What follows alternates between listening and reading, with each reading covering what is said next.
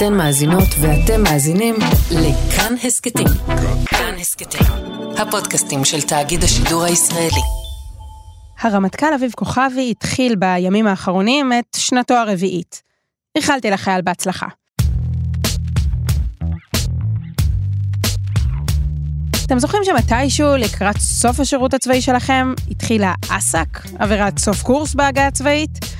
בתכל'ס זו אמירה שנכונה כמעט לכל אדם שיודע שהכהונה שלו קצובה, אבל במקרה של כוכבי, נותרו לו עוד 360 יום, פחות או יותר, עד לחפשש. השעון מתקתק.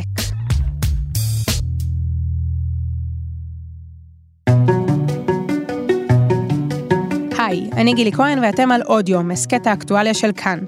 בפרק הזה נדבר על השנה האחרונה בתפקידו של הרמטכ"ל אביב כוכבי, על מה קורה לראשי המערכת הצבאית בשנתם האחרונה, מתי מתחילה הפזילה לפוליטיקה, והאם כהונתו של הרמטכ"ל כוכבי תוגדר על ידי אירועי מפתח שרחוקים מתקיפות צבאיות עלומות, כמו דוח אמון הציבור בצה"ל, נאום שלוש האימהות, סאגת הפנסיות הצבאיות והתקרית הקטלנית באגוז.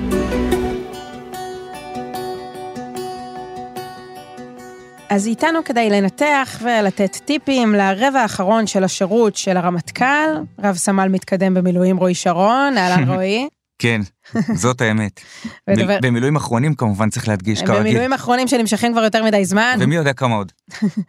ודובר צה"ל לשעבר, תת-אלוף במילואים רונן מנליס, שלום. שלום וברכה. אז רונן, אני רוצה להתחיל איתך. למה ארבע? למה ארבע שנים? עיסוק בקציבת אה, כהונת הרמטכ"ל, אה, מה שמלווה את צה"ל הרבה מאוד שנים. בגדול, כהונת הרמטכ"ל היא לשלוש שנים. כשעמיר פרץ, השר עמיר פרץ, ממנה את גבי אשכנזי לשקם את צה"ל אחרי מלחמת לבנון השנייה, הוא קוצב את כהונתו מראש לארבע שנים, ומאז נהיית מסורת של שלוש שנים כהונה ואפשרות בהארכה בשנה. שלוש פלוס אחד. צריך להגיד שבוגי יעלון ניסה לקדם את חוק הרמטכ"ל, במסגרת חוק הרמטכ"ל רצה לחוקק מראש איזה ארבע שנים. ברעיון של בוגי הוא למנוע מצב שבו במשך שלוש שנים הרמטכ"ל מנסה להתחנף למי שמוסיף לו את השנה האחרונה, ראש הממשלה, שר הביטחון, הקבינט, ובשנה האחרונה הוא ב- ללא כל אה, אילוצים עליו, מתחיל להסתכל על דברים אחרים. ולכן הרעיון הוא, וגם זה מה שאני חושב, שכהונת הרמטכ"ל צריכה להימשך ארבע שנים מראש, בלי משא ומתן על בסיס אה, תפקודו או לא תפקודו, אם החלטנו שהוא מתאים להיות רמטכ"ל, בוא ניתן לו מראש את הקדנציה, זה זמן מספיק לתכנן, זמן מספיק לבצע את הדברים שאתה רוצה, ובלי משא ומתן תוך כדי הכהונה. אז אחרי שאמרנו מה לא קורה, כי בעצם הכהונה עדיין של רמטכ"ל זה שלוש שנים ואפשרות להערכה, כשהרמטכ"ל בעצם די שבוי בידי הפוליטיקאים, רק הצצה למה שקורה מעבר לכביש, ראש השב"כ ממונה על פי חוק לחמש שנים, ראש המוסד ממונה על פי חוק לחמש שנים. אגב, עם שינוי בין השניים, ראש השב"כ יכול, הכהונה שלו יכולה להיות אה, מוארכת בשנה אחת בלבד, ראש המוסד יכול להיערך עד מתי שיגידו די שם. השאלה היא למה הצבא נותר בעצם אה, מחוץ למגרש הזה? למה הם בצבא עדיין משחקים במשחקים האלה? טעות, צריך לתת לרמטכ"ל קדנציה קצובה מראש, לארבע שנים, לממש את התוכניות שלו. צריך להגיד פה משהו, רעיון אחר, יש חלק משרי הביטחון שיכול להיות שמאוד אוהבים את זה. יכול להיות שכאלה שביטלו את הרעיון לא שלהם. לא יכול להיות שפוליטיקאים מאוד אוהבים שליטה ב... באנשי הצבא שתחתם. אז צריך להגיד ששר הביטחון ברק ביטל את ההחלטה של עמיר פרץ, אה, ופה כן רצה לייצר את המאזן איזונים ובלמים הזה, ומאז זה נמשך ככה. אה, ראש הממשלה נתניהו לא קיבל את הרעיון של בוגי לקבע את זה מראש לארבע שנים. והרעיון הזה שבו ראש הממשלה, הקבינט, שר הביטחון, יכולים לנהל משא ומתן בקריצה או שלא בקריצה עם הרמטכ"ל, הוא מה שעומד מאחורי הדברים האלה. צריך להגיד שיוצא דופן. איווט ליברמן, כשנכנס להיות שר הביטחון, מעריך לאייזנקוט את הכהונה בשנה רביעית כמעט באופן אוטומטי, רחוק מאוד מסוף הקדנציה. אצל הרמטכ"ל כוכבי לקח טיפה יותר זמן, אבל גם פה הערכה לא הייתה חלק ממשא ומתן, אלא שר הביטחון גנץ העריך לו את הכהונה בשנה רביעית, כנראה בלי משא ומתן אמיתי. טוב, אז בואו נדבר רגע על מה קרה בדיוק לרמטכ"ל כוכבי עד כה. רועי שרון, עבר די הרבה שרי ביטחון בדרך הזו, לא? כן, גם היה את שר הביטחון ליברמן, והיה את נתניהו, והיה את בנט שר ביטחון, ועכשיו שר הביטחון הוא גנץ. ואנחנו רוצים לסכם שלוש שנים של, של רמטכ"ל כוכבי. בעיקר מה שעבר עליו זה טלטלה פוליטית, כי הוא ניסה להתניע מהרגע הראשון את התוכנית הרב-שנתית, תנופה, וזה נתקע ונתקע ונתקע, והייתה מציאות אה, פוליטית שגם בדרג, גם בדרג הצבאי מתחו עליה ביקורת, לא בהקשר של ביקורת על, ה, על הדרג הממונה עליהם, אלא בהקשר של אי אפשר ככה להתקדם ול, ולגבש תוכניות שקשורות לתקציבים וקשורות לרכש לטווח ארוך. וזו תקופה שלא היו בה לא היו במלחמות, לא היו במלחמות גדולות, היו במבצעים. באופן אירוני אפילו הייתי אומר שאפשר לומר שהטרגדיה של צה"ל בעידן הטיקטוק היא ההצלחה המבצעית שלו לשמור על שקט בגבולות ועל מציאות ביטחונית טובה ועל מספר נפגעים נמוך. כי כשאין מלחמות ואין הרבה הרוגים מפעילות מבצעית, אז העיסוק הציבורי וגם העיסוק של החיילים מתמקד במה? ברמה של האוכל. כמה שחשבתי שהאוכל בבסיס שלי גרוע, היום אני מודה לאלוהים כמה הוא היה טוב. טוב, ניתן לראות פה חתיכה של גופה. לבנה. בתנאים של המגורים, בשכר, בשירות, בשירותי ההסעה, בעכבר שתועד בחדר האוכל. וזה מה שברשתות החברתיות כמובן זה הכל מתעצם פי כמה וכמה. תחשבי על אגוז, יחידת אגוז ש... עם האסון שהתרחש להם אה, בשבוע שעבר. שלום רב לכם, זה אסון שלא היה צריך להתרחש והוא מעלה הרבה שאלות קשות. שני מפקדי פלגה נהרגו הלילה בתאונת ירי בבקעה מירי שגוי של קצין שלישי ביחידה. אחר הצהריים... מישהו שמע על אגוז בחצי שנה האחרונה, מאז מבצע שומר החומות? זה מתאפשר כי יש פעילות מבצעית שהיא...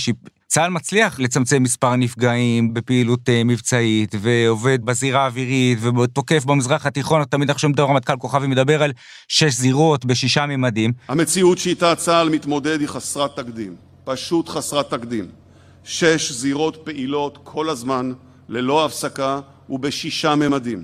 אבל התוצאה של זה לפעמים היא תוצאה שמשחקת לרעתו של ה... לפחות באמון הציבור ובדימוי של הצבא זה משחק לרעתו. זה שש זירות ביטחוניות, יחסית רגועות, על פעילות מבצעית באמת אה, משמעותית וגדולה, וכמובן גם קשורה למציאות האסטרטגית, אבל בזירה הביתית, אה, רונן מנליס, זירה קצת פחות מוצלחת. אני חושב שצריך להגיד קודם כל איך מודדים רמטכ"ל, אני מציע להציע איזושהי מתודולוגיה לעשות את זה. הדבר הראשון זה הפעלת הכוח, ואני חושב שפה כמו שרועי אמר, כמו שאת אמרת, הזירות מצד אחד פעילות, יש בהן הרבה פעילות של צה"ל, אה, המשך המערכה נגד אה, ניסיון ההתבססות האיראני בצפון, פעילות נגד חיזבאללה, פעילות בעזה, מבצע שומר חומות, אני חושב סך הכל הצלחה גדולה מאוד אה, של הרמטכ"ל ושל הצבא, לשמר על רמה ביטחונית טובה. צריך להגיד, יש פה כוכבית, צצה בחלק השני של הקדנציה שלו סוגיית איראן והמוכנות לאיראן. פה צריך לראות שנייה מה הצבא עשה, מה הצבא עושה מעכשיו ואיך זה ייקח אותנו קדימה. צריך אולי לומר בדיוק בנקודה הזו, שאחד הדברים שאנחנו שומעים, זה שההשפעה של המציאות הפוליטית, התקציבית, השפיעה על הדבר המבצעי, אולי קודש הקודשים, ובראש סדר העדיפויות הביטחוני, ההיערכות לאיראן. ופה למעשה הדבר השני שנכון לבחון עליו רמטכ"ל, והוא בניין כוח, קצר מועד וארוך מועד.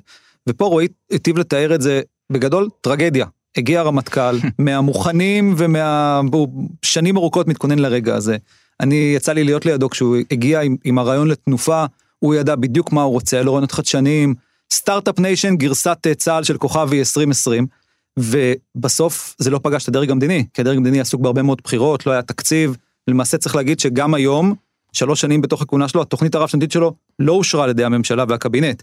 אה, זה נכון שיש תקציב ביטחון, זה נכון שניתן כסף, אבל התוכנית עצמה לא מאושרת, ופה יש איזשהו דיסוננס בין רמת המוכנות והרעיונות והדברים המדהימים שהוא בא איתם לבין המציאות. וכאן נשאלת גם השאלה על איראן. שאלה שאני צריך לשאול אותה בפרספקטיבה של זמן, האם צה"ל זיהה בנקודה הנכונה את התפנית שבה הוא נדרש להתכונן להפעלת כוח מחדש אחרי ביטול הסכם הגרעין? האם נעשו כל המאמצים? האם הצבא הכניס את היד לכיס ואמר, טוב, אני מוותר על דברים מסוימים כדי להיות מוכן לאיראן? אה, או האם הוא חיכה לכסף חיצוני, ומהרגע שהכסף החיצוני הזה לא הגיע, בעצם בוזבזו שנים באותה רמת מוכנות. אני חושב שהיום ברור לכולם, גם לצבא, גם לדרג המדיני, כמה איראן על השולחן, כמה צריך להתכונן, אה, ואני מעריך גם שניתנו לזה התקציבים. המבחן בנושא הזה עוד ממש לפנינו.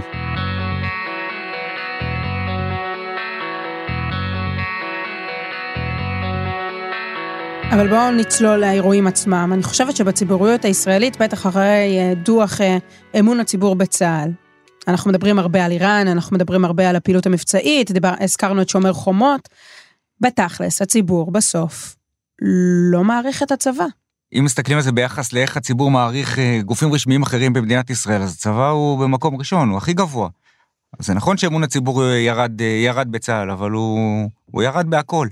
הציבור תמיד מזדהה עם, אה, עם צה"ל, עם הדרג הלוחם בפעילות מבצעית בעיקר, אחרי מלחמות, אחרי מבצעים, אחרי מבצע שומר החומות המספרים היו יותר גבוהים, וכשפחות מתעסקים בפעילות מבצעית ויותר מתעסקים עם אילי חיות, עם בראל שמואלי, עם ניב לובטון שגויס כמקור של מצח והתאבד מהלחץ, ועם התקרית אה, באגוז, והתקרית אה, בנחל חילזון, והאוכל של החיילים וכל מה שקורה ברשתות החברתיות, אז ברור שזה משפיע על אמון הציבור, ולכן אמון הציבור נפגע, אבל את יודעת, תני לרמטכ"ל עכשיו מלחמה אחת, אה, מבצע אחד, והופ, אמון הציבור קופץ בעוד כמה מספרים. רועי, אנחנו מקווים כמובן שלא תהיה מלחמה. כמובן, כמובן. אבל אולי המבחן האמיתי הוא בדיוק ברגעים הללו. תראה, לכל אחד מהרמטכ"לים האחרונים היה איזשהו אירוע מכונן כזה. לאייזנקוט היה את פרשת עזריה. הירי הוא בניגוד לנורמה המקצועית, בניגוד לנורמה הערכית שנדרשת מחייל צה"ל.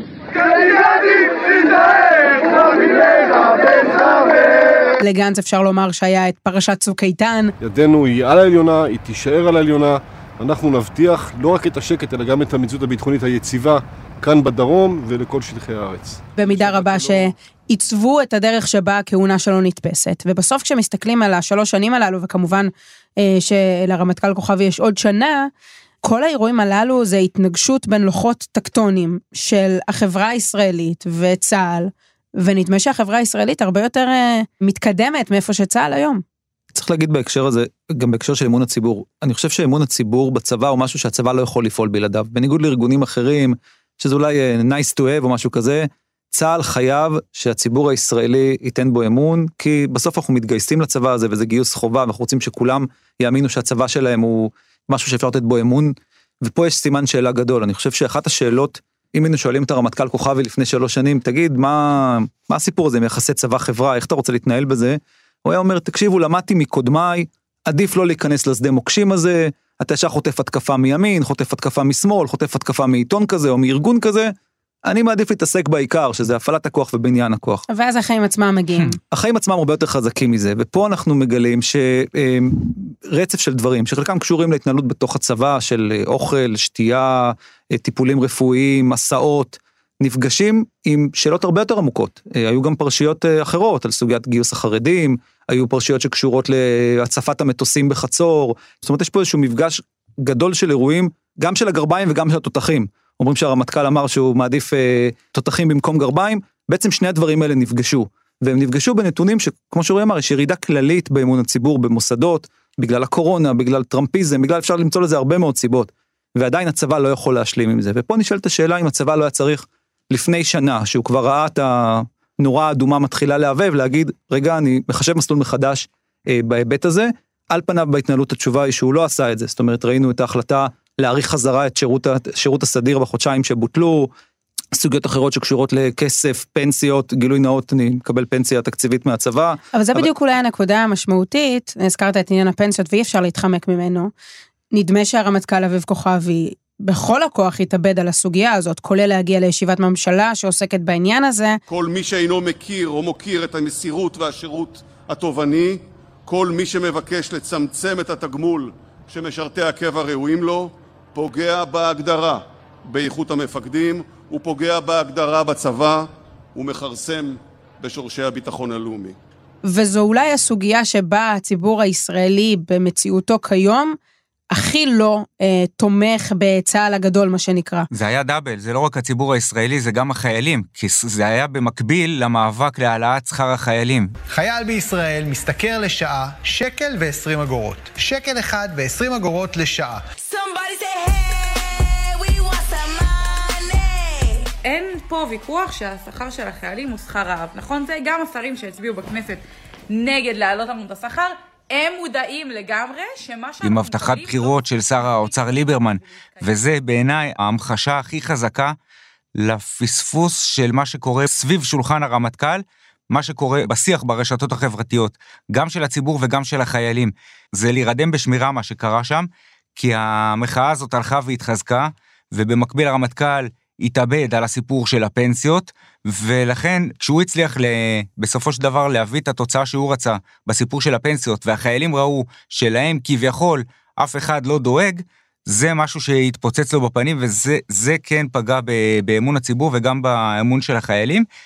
ופה, אם אני יכול לתת אה, דוגמה לתקופה, הזכרת את הדרגה שלי במילואים, כשאני הייתי חייל בשנות התשעים, אז כל סוף שבוע, ביום חמישי הייתה, היה בא המ"מ עם המש"קית חינוך ועם לקט עיתונים, היו מראים לנו כל מה שקרה שבוע, לא יכולנו לדעת הרי מה קרה בשבוע האחרון, והיה צריך את, ה, את המש"קית חינוך שתעדכן אותנו, כי היינו מנותקים, ועכשיו, אני חושב שכל בטח מג"ד ומח"ט, אבל גם רמטכ"ל צריך לידו מש"ק טיק טוק כזה, לא קצין טיק טוק ראשי, כמו שמדברים על זה עכשיו, שאולי צה"ל יעשה איזה שינוי במדיניות. מישהו מלמטה שיספר למפקד שלו בסוף כל שבוע על מה מדברים החיילים, ומה מעסיק אותם, ומה הטרנדים, ומה הסלנגים, ומה המחאות, כדי שזה לא, בום, הם מתעוררים, יש לנו מחאת חיילים ברשת.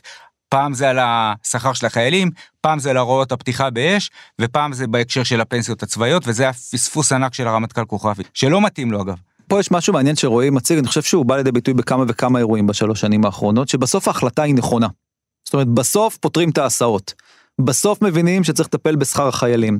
כן, ומה... רק מי יזם ומי נגרר. בדיוק, יש פה משהו בדרך, שיכול להיות שהוא כזה סוף מעשה במחשבה תחילה, שהיה נכון ללכת מראש עם, ה... עם הרוח הכללית, אה, ולהביא את הפתרון הזה ולהוביל אותו. אני חושב שפה יש כמה וכמה דברים שבסוף בתוצאה הגענו לתוצאה הנכונה, אבל בדרך צה"ל, ומדינת ישראל, הוא צה"ל הוא של כולנו, הוא לא של אדם פרטי, וזה צה"ל של כולנו, נפגע ונסרט.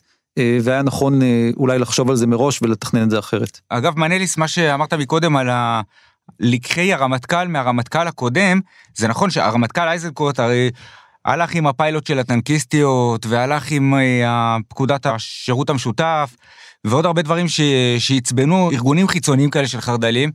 וכשהרמטכ"ל כוכבי נכנס לתפקיד, הוא הפסיק לדבר על זה בכלל, רק דיבר על קטלניות, וזה התבטא מיד בעלוני שבת של, ה, של אותם ארגונים של כל הרבנים. אני זוכר כותרת אחת באחד העלונים האלה, משהו חדש מתחיל, איזה כיף, סוף סוף, כבר לא הרמטכ"ל אייזנקוט, הרופס עם פרשת אלאור עזריה והאג'נדה הרדיקלית הפמיניסטית.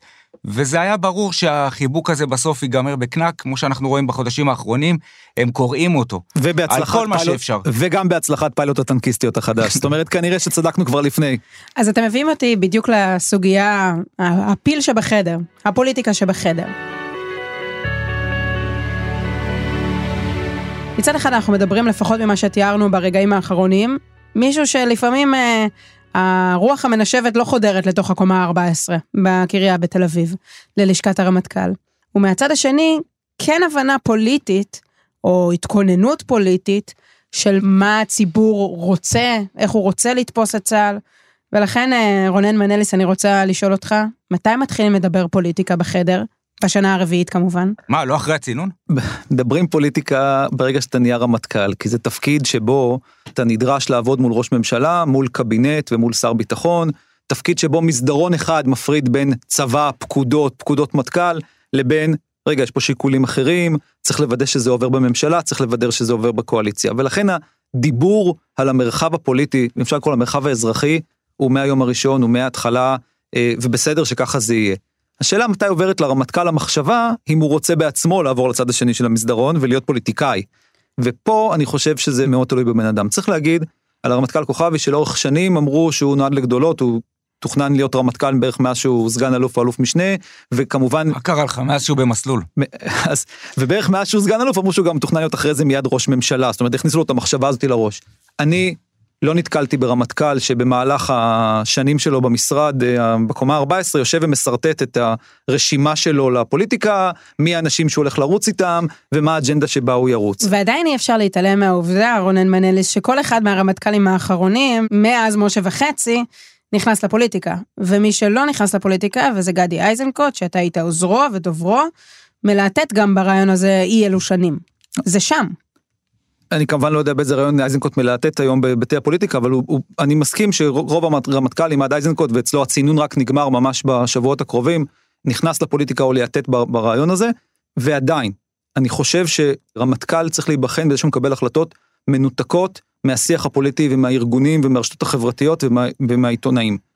ויחד עם זאת, אני מעריך שיש רמטכ"לים שבלב שלהם, גם אם הם לא אמרו את זה ולא שרטטו את זה על השולחן, אז אולי הם כתבו את זה באיזה מחברת או בספר, והם חשבו על הרעיון של איך אפשר כן להשתלב בחיים הציבוריים, אני די בטוח שההחלטות שלהם הם לא משיקולים כאלה, באמת באמת הם חושבים שההחלטות שלהם נכונות, ואם נחבר כל רמטכ"ל כזה למכונת אמת, הוא יצא דובר אמת, באמת באמת התכוונתי שזה מה שיקרה, ועדיין באיזשהו מקום אני מעריך שהמעמד הזה, שהוא מעמד מיוחד לרמטכ"ל, הם גם מרגישים מיד את השינוי כשאתה לא נהיה רמטכ"ל, שפתאום אתה כבר לא קונצנזוס, אתה לא 78 אחוזי אמון, אתה מיד יורד, בוודאי כשאתה נוקט בשם של, של מפלגה שאתה הולך לרוץ איתה. ועדיין אני חושב שיצא בשנים האחרונות שיש תחושה שדווקא אצל כוכבי הוא יותר פוליטיקאי. אני לא בטוח שזה בגלל שהוא החליט באיזה מפלגה הוא רוצה לרוץ. אני חושב שזה הרבה הרבה תדמיות והרבה מאוד רצונות ככה מסביב. אה, אני מקווה שההחלטות שהוא מקבל הן, ואני די בטוח במקומות שראיתי את זה, שזה בא מעולם ענייני ובאמת זה מצפונו, אה, ושהוא לא בוחר לא להתייחס לדבר כזה או אחר בגלל שהוא חושב על מה ההשלכות הפוליטיות של זה בעוד חמש שנים, שנה אחת שירות, שנה אחת חופשת שחרור ועוד שלוש שנים צינון. זה כל עוד אין פה מערכת בחירות וההיסטוריה מלמדת שזה לא בדיוק קורה על פי הלוז. רועי, אתה מזהה שבשנה פלוס האחרונות באמת אה, הדלת אה, נפתחה? אפשר לראות את זה אולי בנאום שלוש האימהות. שתי אימהות מבכות את גורל בניהן. אין גדול ונורא מהמחיר הזה. ואני, אני ממעש, לא מעז לומר, מיני קולך מבכי ועינייך מדמעה. בכתיבת הספר שתוכננה לצאת אה, לאור בשוק החופשי. הוא רואה כחלק מהתפקיד שלו לחנך את פקודיו, לתת בהם תורה, איך במנהיגות הקרבית הם יכולים ללמוד מ-35 שנות אה, שירותו. אתה מרגיש שהדלת נפתחה לפוליטיקה? קודם כל, כוכבי הוא באמת נואם בחסד והוא כריזמטי. אני זוכר ביום שהוא נכנס לתפקיד והיה טקס אה, החלפת רמטכ"לים אחרי גדי איזנקוט.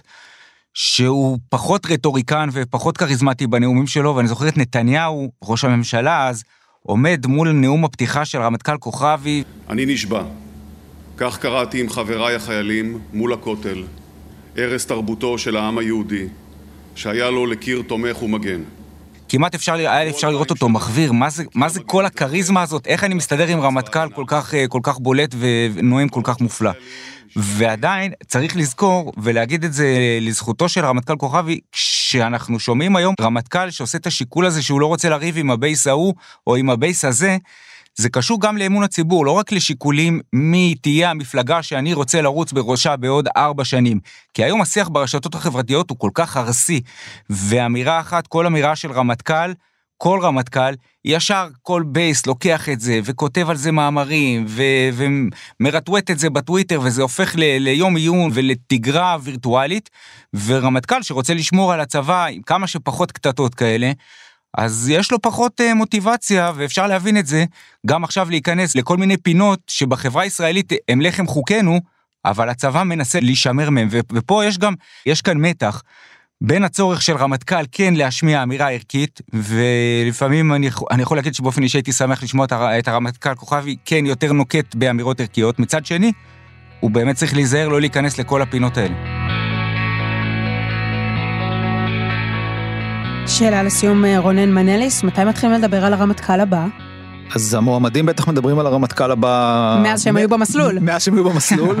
אה, וחלק מהמועמדים גם ככה שמם על לאורך השנים.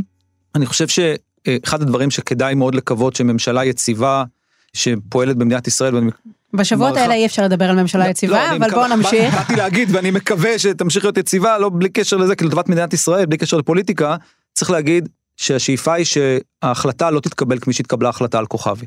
שיינתן לרמטכ"ל הבא מספיק זמן להתכונן, משהו כמו חצי שנה, ללמוד, זה תפקיד סופר מורכב, אין שום תפקיד שמכין אותך למשולש הזה של ראש ממשלה, שר ביטחון, רמטכ"ל, להיות סגן רמטכ"ל, אתה עדיין בתוך הצבא, אתה לא יוצא לתוך המרחב הזה, ולכן ההחלטה הזאת צריכה להתקבל, אני מציע, או מקווה, בערך חצי שנה לפני שיש את ההחלפה, מכיוון שההחלפה היא בעוד שנה, אז בערך תוך חצי שנה, אני מעריך שכבר בשבועות הקרובים נראה את בורסת השמות, המועמד הזה, המועמד אחר, אפשר לקבוע כבר עם רועי לפתוח יומנים ולקבוע פודקאסט על הנושא הבא, מי יהיה הרמטכ"ל ה-23 של צה"ל. אני, אני מוכן להסתפק בזה שהמינוי שלו לא יהיה בזמן שראש ממשלה טס לאיזה טיסה סודית, נעלם לארבע שעות, ואז שר הביטחון מנצל את השעתיים האלה שאף אחד לא יכול להפריע, ובום, מודיע על הרמטכ"ל הבא.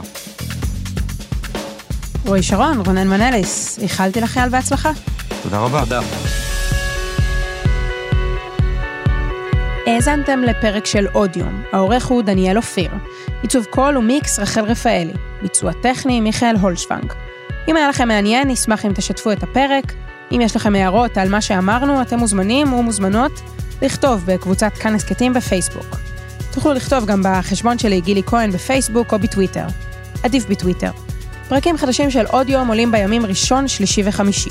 את כולם, וגם הסכתים נוספים מבית כאן, תוכלו למצוא באפליקציית הפודקאסטים האהובה עליכם, באתר שלנו וגם בספוטיפיי. אני גילי כהן, נשתמע.